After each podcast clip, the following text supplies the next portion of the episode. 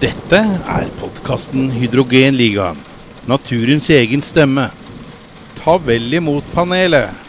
Ledet av Lars Martin Andresen. Hei og hjertelig velkommen skal du være til premieren på podkasten Hydrogenligaen, naturens egen stemme. Så vidt vi vet er vi den aller første uavhengige hydrogenpodkasten, og vi er altså en gjeng med entusiaster som ønsker å fremsnakke naturens egen resept til det grønne skiftet. For å presentere panelet så er det to entusiaster i tillegg til undertegnede, som alle holder til rundt Oslofjorden. Og vi kan eh, presentere oss i tur og orden og begynne med Tim, som til daglig bor eh, på vestsiden av Oslofjorden. Og hvordan står det til der om dagen? Jo, det har jo gått eh, greit i det siste. Bortsett fra litt hjemmekontor pga. de nye koronareglene. Så nå er jeg koser meg ja. hjemme. Hvorfor har du fått en lidenskap for hydrogen? Nei, det startet jo egentlig som uh, at, at, jeg investerte meg litt inn i de interessene jeg har hatt. Og helt i starten av den turen så var det jo egentlig spill, rett og slett. Jeg begynte med å, å Første gangen jeg hoppa inn i på børsen, det var gjennom Funcom for en stund siden, når jeg spilte et, et spill som heter Age of Conan, hvor jeg var alfatester. Så har det da egentlig bare eskalert gått videre og videre. Interessene skiftes jo fram og tilbake, og nå i det siste så har man jo fått øynene opp for klimatema, og da blir det jo til at man leser seg opp på, på sol, vind, hydro, batterier, elektrolyse, brenselceller og alt som gjør at vi skal kutte de der eh, CO2-slippa. Og så ser man jo at det er veldig mye av det her sånn er jo egentlig innenfor eh, segmenter som vårt land kan gjøre det bra i. Det er eh, ting som kan produseres uten veldig store antall eh, ansatte på en produksjonslinje. Noe som vi som land kan ha et stort uh, utbytte av når vi uansett har problemer med å fjerne oljefirmaene mot andre firmaer som skal kunne overta de eksportfortjenestene. For det er jo de som har skapt de samfunnsgodene vi har hatt i landet. Og da, når man hoppa inn der, så ble det jo fort til at man uh, fant hydrogensegmentet, siden de, Det er jo noe som må bygges frem og opp, og noe som må inkluderes i modelleringen av fremtidens energisystemer. Hvis vi skal hoppe til den andre siden av Oslofjorden, da, så har vi en som sitter der og vi. Torkil, eh, Torkil, du har jo vært med på hydrogenbåten en liten stund nå. Hvor lenge har du sittet på, på, på, på dekk? Nei, altså, jeg har jo ikke sittet på dekk, jeg har jo stått i styrhuset stort sett, så og, eh, og sett, eh, sett, hva som har skjedd de siste fire årene. Men jeg har vært innenfor hydrogenfeltet siden 2016. Sånn type januar 2016. Jeg var Ja, jeg vil si at jeg var en av de som var tidlig inne i, i, i Nell-aksjen. Og uh, Nell var på en måte den inngangsbarrieren til hydrogen for meg. Uh, selv om jeg kjente litt til altså hydrogen litt fra før, men det var ikke så veldig mye. Så jeg brukte veldig med tid til å sette meg inn i caset, sette meg inn i hva er hydrogen, hvordan er markedet, altså, man ble, ble litt sånn bitt av basillen, og så har man egentlig sittet hver bidige dag i, i over fire år og, og, lest om hydrogen og sett den utviklinga som, som, har skjedd. Eh, bare for å ta et eksempel, så var det kanskje sånn par to-tre artikler i uka fra media om hydrogen.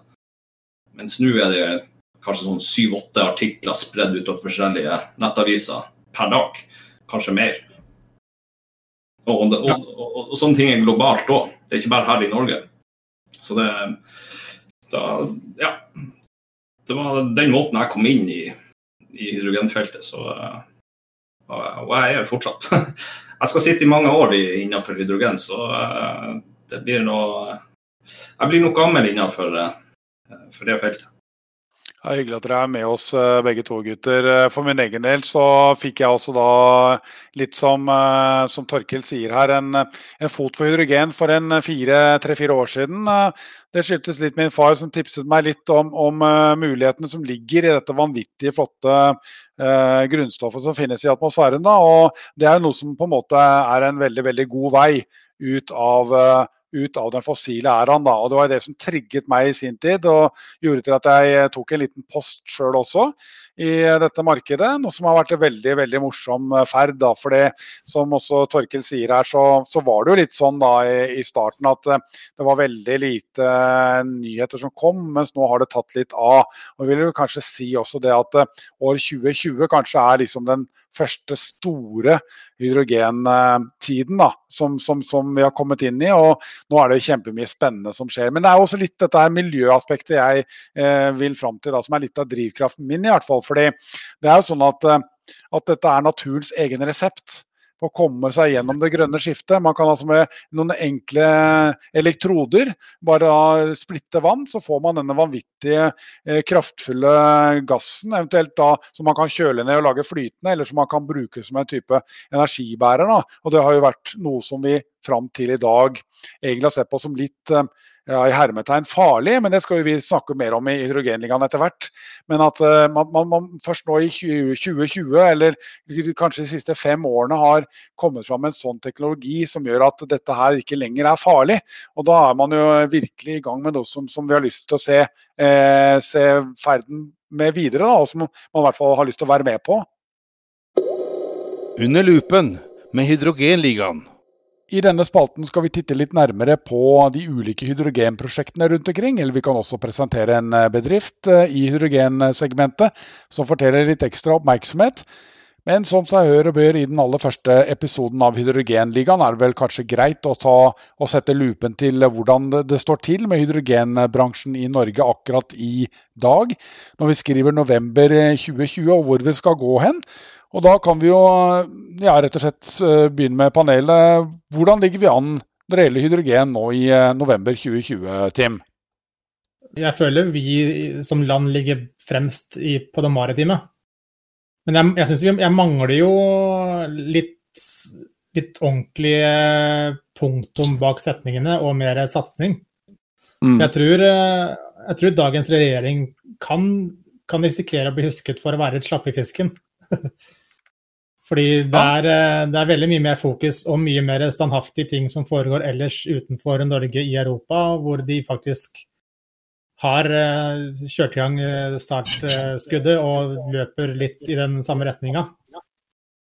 Og dette er jo egentlig et segment som vil skape mye arbeidsplasser og vil være potensielt til å bli veldig stort. Og jeg føler jo egentlig at Norge som en eksportland generelt sett, hvor, det, hvor vi får hvile mye penger inn, må egentlig få mer fokus og få, få starta å løpe i samme retning eh, med de andre. Vi har jo, vi har jo denne maritime, maritime segmentet vårt som har vært stort i årevis, og de har jo kompetanse som er ganske lett å overføre. Så sånn sett så er det en veldig fin måte å ikke tape arbeidsplasser mens olje og gassen skal ned, ved å bare dytte ny fokus. Vi skal jo tross alt uh, installere veldig mye havvind og gjøre sånne ting som, uh, som uh, de kan bruke sin ekspertise videre til. Både innenfor lagring av CO2 med blått hydrogen, men også det å gjøre selve havvind kjappere økonomisk gunstig ved å bruke all energi de kan produsere, og særlig det å få skalert de langt over de flaskehalsene som man finner i de ulike, uh, ulike kraftlinjene og, og invertere som er dem. For det er de som setter uh, begrensninger på hvor mye man kan flytte til forbruker, og det er på en måte strømmens største utfordring. Så når man da innfører hydrogen og, og det de kaller power, for, uh, power, to X, så kan man jo jukse seg forbi den. Man kan uh, lagre hydrogen, man kan frakte den til forbruk, og man kan uh, bruke den både innenfor transport til, til, industrien for de som trenger varme, og de som rett og slett bruker uh, grått hydrogen i dag, de må jo også begynne å tenke seg eh, frem til når de må begynne å bytte det ut. Fordi det blir dyrere og dyrere med CO2 som skal bli dyrere og dyrere. Det blir liksom Ja.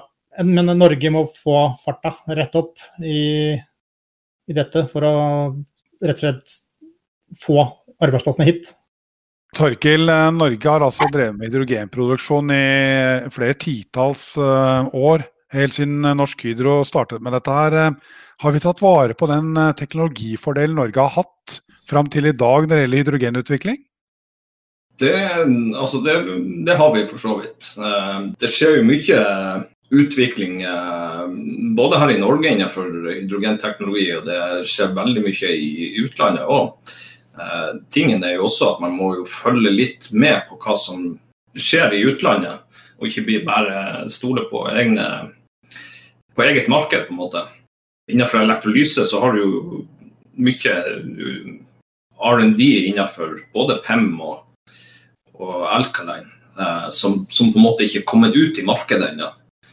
Eh, så det er noen aktører rundt om i verden som, som driver med forbedring av av dagens teknologi som skal bli morgendagens teknologi. Uh, men hvem som blir vinneren der, det er ikke helt uh, greit å vite. Men man kan jo se liksom konturer på uh, Hvis man tar sånn elektrolyse som, som et utgangspunkt, og hvor f.eks. Nell her i Norge er en, en stor aktør, så har jo de den fordelen med at de sitter på begge teknologiene. Eh, det finnes noen andre teknologier innenfor elektrolyse òg, men eh, de sitter jo på både PEM og, og Alkaline. Så, så eh, det sies jo at på de virkelig store anleggene så er det Elkaline på en måte som er den som, som er den hesten som har jobba lengst og har mest data og har lengst driftstid. Uh, så har du også Pemmen som kommer inn og kommer litt som en outsider. Um, uh, Pga. dens egenskaper. Alkaline og Pem har jo hver sine, hver sine egenskaper. Og der har man noen aktører som er f.eks. i ja, både Europa og ellers i, i verden som de sitter på enten PEM eller på Alkaline. Uh, men så har du noen selskap som sitter på begge. Så der er det eh, Der kan det bli litt sånn konkurranse, selvfølgelig. Men fordelen med Norge og fordelen med bl.a. Nell er jo at de har på Alkaline har de en av markedets mest effektive elektrolysører. Og den tror jeg det er viktig i hvert fall for ja, både Norge å støtte opp under. og eh, så at den teknologien ikke bare forsvinner til en annen aktør som plutselig kommer inn med noe, noe tilsvarende. Eh, så der tror jeg er eh, en teknologi som vi bør satse på eh, fra, fra norsk ståsted. For det er jo bl.a. Tyskland har meldt storsatsing på, på grønn hydrogen. Eh, for så vidt, det har jo eh, Europakommisjonen også. Eh, så her er det snakk om hvordan produserer vi hydrogen billigst, og hvordan får vi prisen på elektrolysørene ned. Og det er jo som, som han Løkke i Nell har sagt, at man må gire opp. Man må sette i gang de virkelig store prosjektene. Man kan ikke sette, sette i gang sånn der eh, småprosjekt og, og testprosjekt på, på, et nes en plass. Hvis man ikke går ut i verden, så må man i hvert fall sette i gang her i Norge. og det er her virkelig vi, vi kan ta et lite forsprang eh, med å være litt sånn trø på gassen og, og, og, eh, og gå litt i forkant. Så Som Tim nevnte i stad, at han, han savner punktum bak hver setning, så, så er det ganske mye i det. For at det er mye åpne setninger som, som ikke eh, gir noe konkret uh, svar på hvor, hvor, vi står i Norge og hva vi skal gjøre fremover. Og der har vi jo uh, hydrogenstrategien som kom nå i, før sommeren. Og så har det jo sagt at det skal komme en sånn slags veikart for hydrogen. Så vi får se hvordan det går der, og hva regjeringa gjør fremover nå innenfor satsinga. I hvert fall innenfor teknologiutvikling her i Norge. Altså det, det, er ikke bare elektrolyse, det er mange, mange andre ting som, som, ligger rundt hydrogen, eh, som Norge kan bli flink. Ja, er, det, er, det, litt sånn at uh, altså Når man ser ut av Norges grenser og ser liksom litt flere større uh, nasjoner, flere uh, faktisk kontinenter, de, de, begynner å tenke mye mer på hydrogen nå. Vi har også til og med et, et, et land og et selskap som heter Aramco og, og Saudi-Arabia som er veldig hete på hydrogen. Er, er, Norge rett og slett i ferd med å bli litt forbikjørt her? Altså Hvis man ser på markedet for hydrogen i Norge kontra utlandet, så er det jo kanskje større konsum enkelte plasser i, rundt om i verden. Problemet er vel mer at um, det, er, det, er, store, tyngre aktører som, som, går inn i hydrogenfeltet. Og da mener jeg sånn typisk olje, store oljeselskap. Bare for å, å peke litt på det du sa tidligere angående det å, få, det å få, start, det som er eh, vanskelig, eller det som er viktig, er jo at uh, man skal nå disse storskalafordelene som man jo får i alle segmenter som har stor vekst. Men for å få det til, så må man jo få, få ordre som er faste. Og det er det Norge mangler. Vi klarer ikke å komme ordentlig i gang. fordi det firmaet som Nell trenger, de er egentlig bare å få et startskudd i at nå har de full full ordre som fyller kapasiteten sin i to-tre år om gangen. Og da får jo de muligheten til å videre eh, forhandle med sine under, underleverandører. Og jo, jo mer og lengre slike, slike ordre varer, jo billigere stål og, og, og materiale får man tak til råvarene for å produsere selve elektrolysørene. Og det er det man mangler. Man mangler egentlig bare startskuddet for å få opp skalaen høyt nok til at man når de storskalafordelene man trenger for å få ned Capex og Opex-kostnader i, i elektrolysesegmentet. Fordi det er ikke noe Akkurat nå i dag så er teknologien bra nok. Man trenger ikke å forske så mye på det for å treffe de målene man må ha, men man må bare få opp skala. For det er skala som bygger og gir penger nok til å kunne investere seg inn i de nye fabrikkene, som da kan bli mer automatiserte, som kan gå oftere og gi mer output eh, daglig, årlig, månedlig, alt det igjen der. Så for Norges del så er det egentlig bare viktig at vi setter et startskudd, slik at vi gir våre firmaer muligheten til å starte ordentlig. Fordi vi har, vil ikke ha muligheten til å starte det de ønsker å gjøre før de har en sikkerhet i en ordreflow som varer lenge nok til at et fabrikk kanskje kan betale seg ned og sånne ting.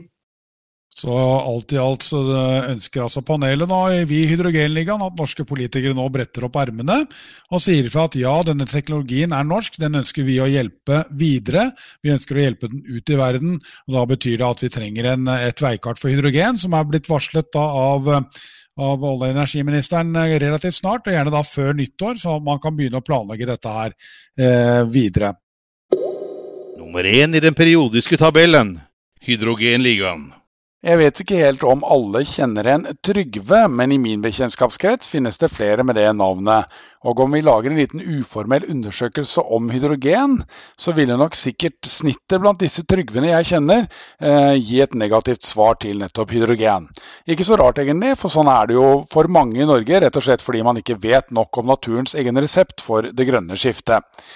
Jeg har spurt en av Trygvene om han ville være med i Hydrogenligaen, men han takket tøffelig nei, fordi han mener at effektiviteten av hydrogen som drivstoff er altfor lav i forhold til batteri. Så derfor så har vi fått denne. Trygves hydrogenskole. Og Det første naturlige spørsmålet vil jo da bli til panelet, og eh, vi kan begynne med deg, Tim. Hvordan er det med hydrogen og effektivitet? Det er jo riktig at hydrogen har en mindre en, hva kaller man det, roundtrip eh. Men når man skal se på modelleringene av eh, fremtidens eh, energisystemer, så er jo det som er viktigst nå, er jo å finne frem til stien som vil lede oss til et energisystem som vi kan hva skal man si, være stolte av når man nærmer seg 2040 og 2050. Det er eh, det som er det viktigst, først og fremst, ikke virkningsgraden. Det kan man stille på mellom eh, batterielektrisk og hydrogenelektrisk seinere. Det viktigste er jo å få ut fossile brensler og diesel, bl.a. Hydrogen eh, vil jo pga. dens egenskaper kunne gi oss en ekstra verdikjede sammen med strømmen. Fra dens utgangspunkt, altså der man produserer strømmen. Så når nye fornybare prosjekter skal opp og bygges, så kan man jo bygge dem betydelig mye større enn hva, hva, hva invertere i nettet vil klare å sende elektronene per i dag. Fordi når man produserer strøm, så må elektronene finne sin forbruk direkte. Og ha konsumenter som er klare for å bruke dem. Og uten de konsumentene, så har jo egentlig verdien til strøm er jo egentlig null, hvis ikke den kan brukes. Så det betyr at når vi, hvis f.eks. Norge skal bli store på teknologi rundt havvind, så kan det skaleres både innenfor verdikjeden for elektroner, men også så kan man lete etter forbruk gjennom eh, Power to X, som da vil være typisk hydrogen og hydrogen til ammoniakk, hydrogen til metanol og alle andre e-fuels som blir funnet opp eller uh, gjort uh, tilgjengelig senere. Så det er, det er, flaskehalsen i invertere i nettet som, som uh, gjør at man må begrense effektiviteten for selve energiproduksjonen. Mens når man da kan ta den strømmen før flaskehalsen og lagre det som hydrogen, som igjen kan være der til man trenger det, enten for å produsere strøm igjen, eller for å frakte det til en konsument, så betyr det at man kan, man kan uh, skalere opp uh, selve produksjonen betydelig høyere. Og da har jo ikke virkningsgrad ved sluttbruker så mye å si. Fordi man kan jo gjøre produksjonen mye mer effektivt. Og det er jo det som uh, jeg tror man skal sette mye fokus på. fordi hvis man bruker hydrogen sammen med disse prosjektene, så betyr det at man putter mer press mot de som produserer utstyret, de som skal lage solcellene, de som skal lage vindparkene, turbinene og alle de vil kunne få mye, mye større ordre. Som betyr at de igjen da når de sine storskalafordeler, som da presser ned prisen på strøm, som igjen presser ned prisen på hydrogen. Så det er på en måte en veldig god sirkel. Og som da går tilbake til det jeg sa i starten, det som er viktigst nå, er å finne fram til stien som vil lede oss til et energisystem som er nullutslipp. Og da må man se på, se på, systemene helt fra starten, og ikke på virkningsgrad ved sluttbrukeren. Da starter man på en litt, litt feil sted. Ja, Er det sånn, uh, Torkil, at, uh, at, man i Norge har tenkt for mye på det at man faktisk at, uh, har strøm som bare står på stikkontakter, men ikke som blir brukt hele tiden? Så man faktisk har et potensial i å, å benytte 100% av strømmen for, man produserer til enhver tid? Ja, altså Det jeg har lagt merke til, det er jo at uh, veldig mange er opphengt i personbiler og effektivitet mellom batteri og hydrogen f.eks.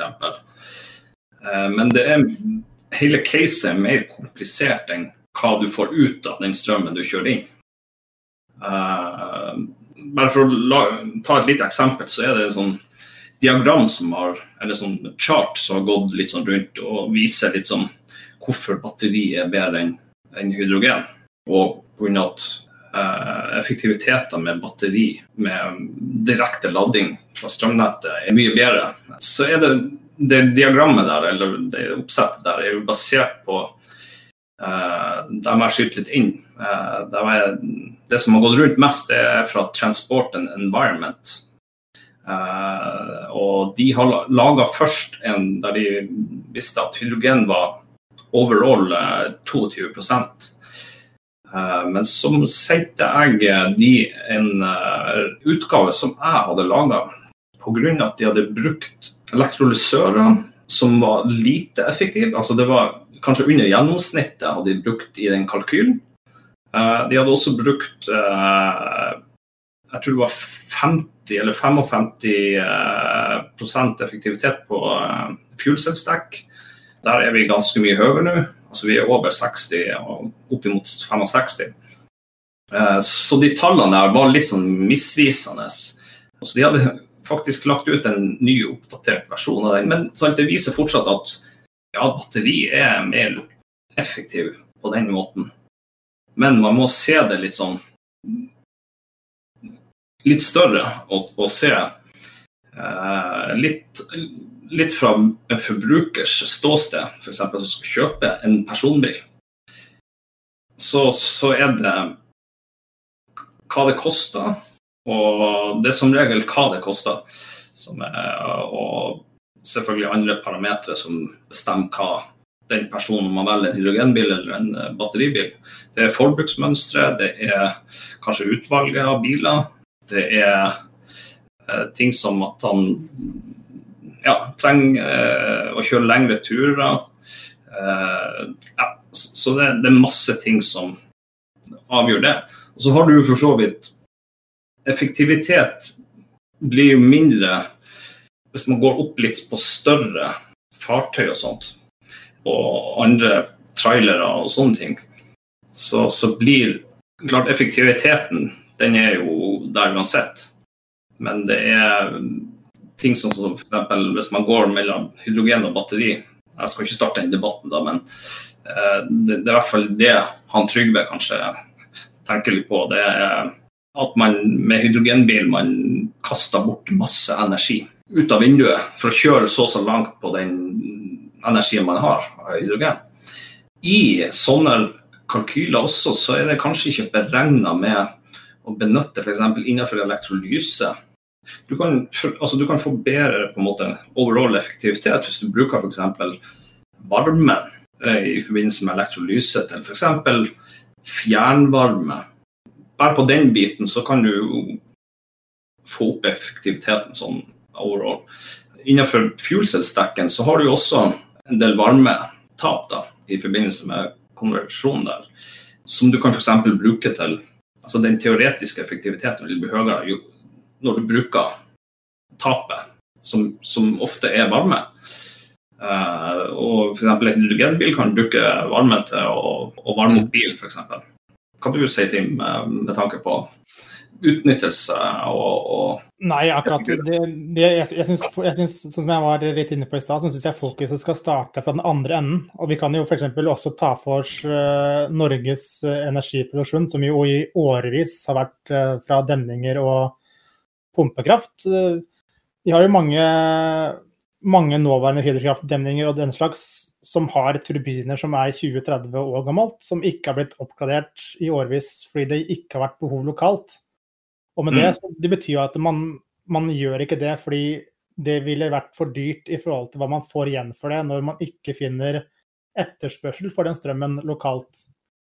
Så når man da, når man da innfører muligheten til å produsere, produsere hydrogen fra, fra, et slikt område som kan være lukka, så finner man jo, finner man jo mulige merverdier i den eh, verdikjeden. Mm. Så det må, det må man, se, man må ikke se på hva kan man gjøre med 100 kWt i et batteri mot i, et, i en, fuel, en brenselcelle? Det må man se på. Det er hvor mye kan hver lokasjon produsere av strøm. Hva, hva skjer hvis vi tar alle våre hydro, hydrokraft eh, og pumpekraft og alt det der sånn? Hva skjer hvis vi gjør dem så effektive som mulig? Jo, ja. da vil vi jo få en situasjon der mengde strøm ikke er så viktig som forbruket. Det er forbruket som vil, gi, eh, som vil bli prisgitt, rett og slett, i større grad enn mengden. Mm. Hvis vi da f.eks. bytter alle turbiner og gjør vår vannkraft mer effektivt, og putter si, fly, flytende solkraft, solceller, på oversiden av alle demningene, slik at de kan produsere så mye strøm de bare makter og orker, så er ikke problemet lenger hvor, mye, hvor lang, mange kilometer kan man kjøre med en personbil. Da er jo problemet hvor kan vi finne forbruk? Hvor kan vi bruke, finne forbruk for all energien vi kan lage helt grønt og helt perfekt med ganske få midler? Så hvis vi finner Finner man da muligheten til å eksportere verdier i, altså som strøm, så er det veldig fint, men den må finne forbruket nå. Når vi produserer, så må den finne forbruket nå, og gjør man ikke det, så kan man da lagre den. Og den hydrogenen kan bli brukes til eh, hva som helst. Man, til og med når man lager energi, så får man jo den restvarmen som kan brukes for å eh, effektivisere varme, fjernvarme i lokalområdet. Og det kan, man kan samle og selge eh, oksygenet til eh, sykehus, til fiskeriopplegg for sånn lusfjerning eller hva det er for noe. Altså, det er mye man kan gjøre fra starten, og da setter vi fokus på starten av våre energimodeller først så vil ikke det, det argumentet mot virkningsgrad være like gjeldende. Dette syns jeg vel at panelet har oppsummert bra, dere. Hydrogenligaen mener altså at virkningsgrad på hydrogen versus batteri er for fremtiden av mindre betydning, rett og slett fordi det vil bli så mye grønn strøm at dette vil ikke ha noe betydning. Dette bekreftes av en utarbeidet rapport for Statkraft som ble sluppet for få dager siden.